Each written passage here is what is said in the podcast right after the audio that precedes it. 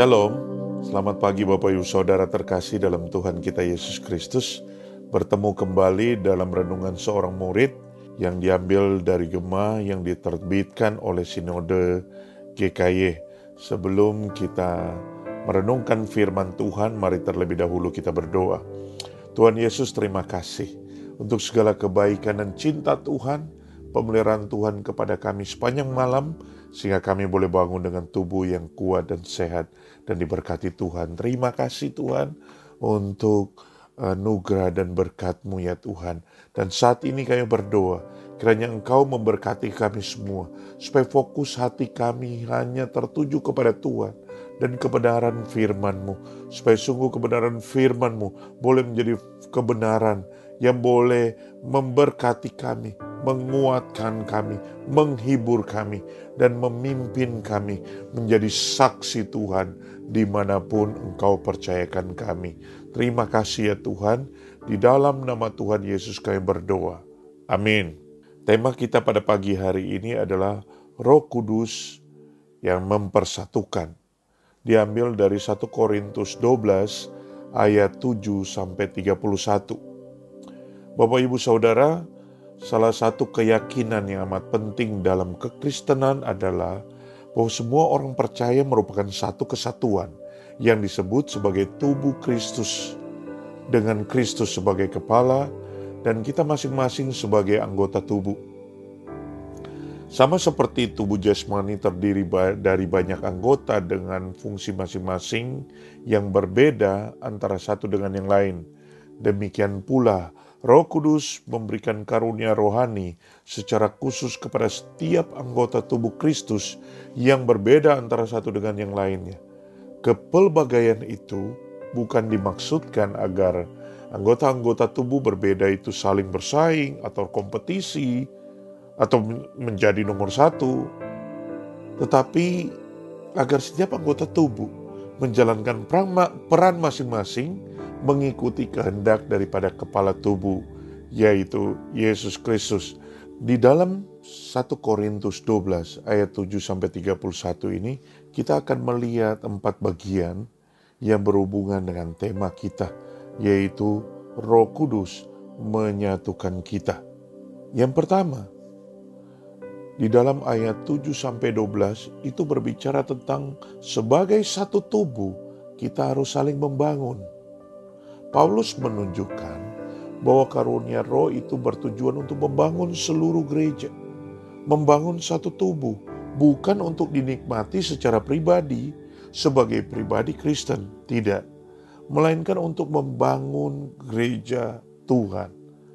Jadi kehadiran Roh Kudus dan karunia-karunia Roh Kudus di dalam hidup setiap orang percaya atau di dalam hidup gereja Tuhan adalah bertujuan untuk membangun satu dengan yang lain. Yang kedua, dalam ayat 13 sampai ayat ke-20, di sana dikatakan bahwa kita sebagai satu tubuh, kita itu memiliki baptisan yang sama. Setiap orang yang percaya kepada Tuhan Yesus sebagai Tuhan dan Juru Selamat, kita itu dibaptis dalam roh yang sama, di dalam satu tubuh Kristus itu, sehingga kita ini tidak berbeda dengan yang lain. Kita memiliki roh yang sama, kita memiliki baptisan yang sama, sehingga seharusnya kita dengan yang lain itu adalah satu kesatuan. Kita mungkin berbeda secara manusia, tetapi secara spiritual kita itu satu. Kita punya satu roh, kita punya satu baptisan.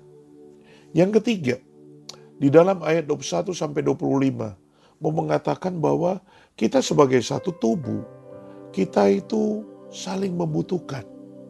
Kita satu tubuh itu saling membutuhkan satu dengan yang lain. Bahkan anggota tubuh yang paling lemah paling dibutuhkan. Anggota tubuh yang kurang terhormat di sana dikatakan diberikan penghormatan khusus anggota tubuh yang tidak elok diberikan perhatian khusus. Anggota tubuh yang tidak mulia diberikan penghormatan khusus. Tujuannya adalah supaya jangan terjadi perpecahan di dalam satu tubuh, melainkan saling memperhatikan, karena kita saling membutuhkan satu dengan yang lain. Nah, itulah tujuan kita sebagai satu tubuh Kristus. Itulah tujuan kita sebagai gereja Tuhan. Kita saling membutuhkan satu dengan yang lain. Kita mungkin memiliki karunia-karunia yang berbeda. Kita mungkin punya kekurangan-kekurangan yang berbeda. Kita mungkin tetapi kita mungkin punya kelebihan-kelebihan yang berbeda. Nah ini justru dipakai untuk kita saling membangun.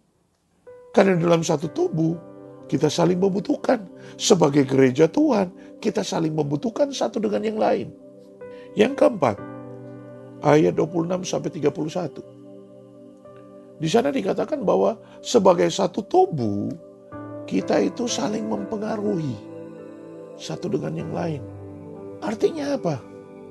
Kita harus saling peduli. Itu akan menguatkan tubuh. Karena kelemahan atau penderitaan satu bagian tubuh akan mempengaruhi seluruh tubuh yang lain. Karena kita ini satu tubuh. Setiap anggota tubuh sebetulnya memiliki kontribusi untuk membangun tubuh. Demikian juga setiap anggota gereja Tuhan memiliki kontribusi untuk membangun dan mempertumbuhkan gereja Tuhan.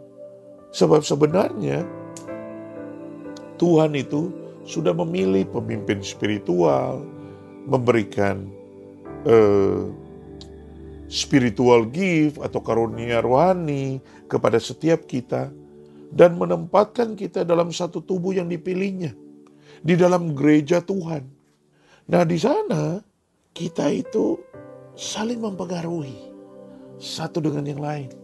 Mempengaruhi untuk bertumbuh, mempengaruhi untuk membangun, mempengaruhi untuk menjadi lebih baik, mempengaruhi untuk semakin berkenan di hadapan Tuhan, mempengaruhi untuk semakin menjadi saksi Tuhan, mempengaruhi untuk semakin memuliakan Tuhan. Memang kita berbeda. Tetapi kita tetap dapat bersatu. Meskipun kita tidak harus dalam keseragaman. Karena bahkan di dalam Yohanes 17 ayat 20-23, di sana Tuhan Yesus berdoa tentang umatnya, tentang gerejanya, tentang kita sebagai tubuh Kristus. Supaya apa?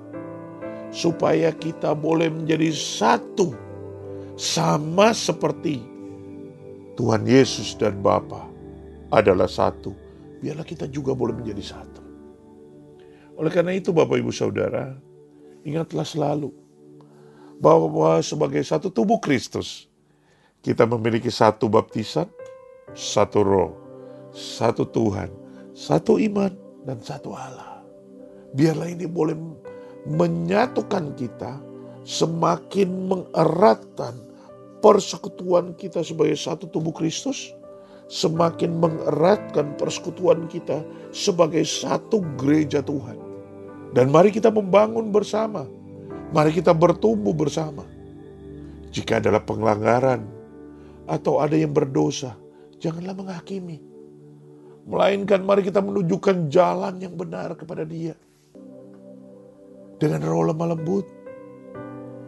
Jika ada yang kurang, atau kekurangan.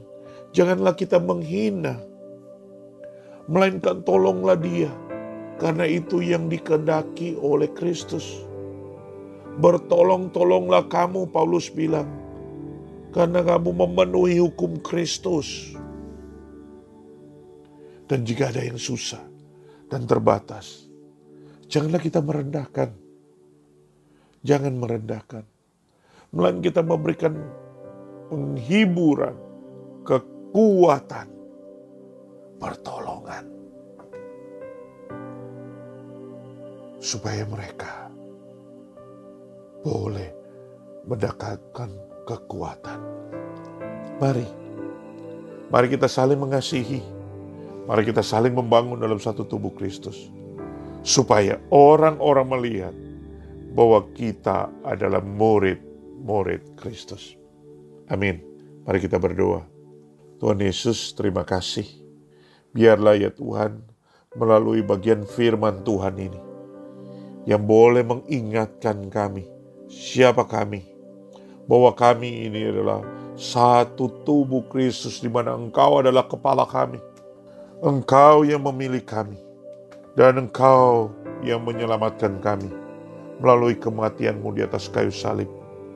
Biarlah kami boleh menjadi satu karena di dalam Engkau kami memiliki satu baptisan, satu roh, satu Tuhan, satu iman, dan satu Allah. Dan biarlah di dalam kesatuan ini ya Tuhan, di dalam berbagai keragaman yang ada, kami boleh saling mengasihi, saling membangun, saling menguatkan, saling menghibur, saling mempertumbuhkan untuk menyenangkan Tuhan dan bagi kemuliaan nama Tuhan. Di dalam nama Tuhan Yesus kami berdoa. Amin.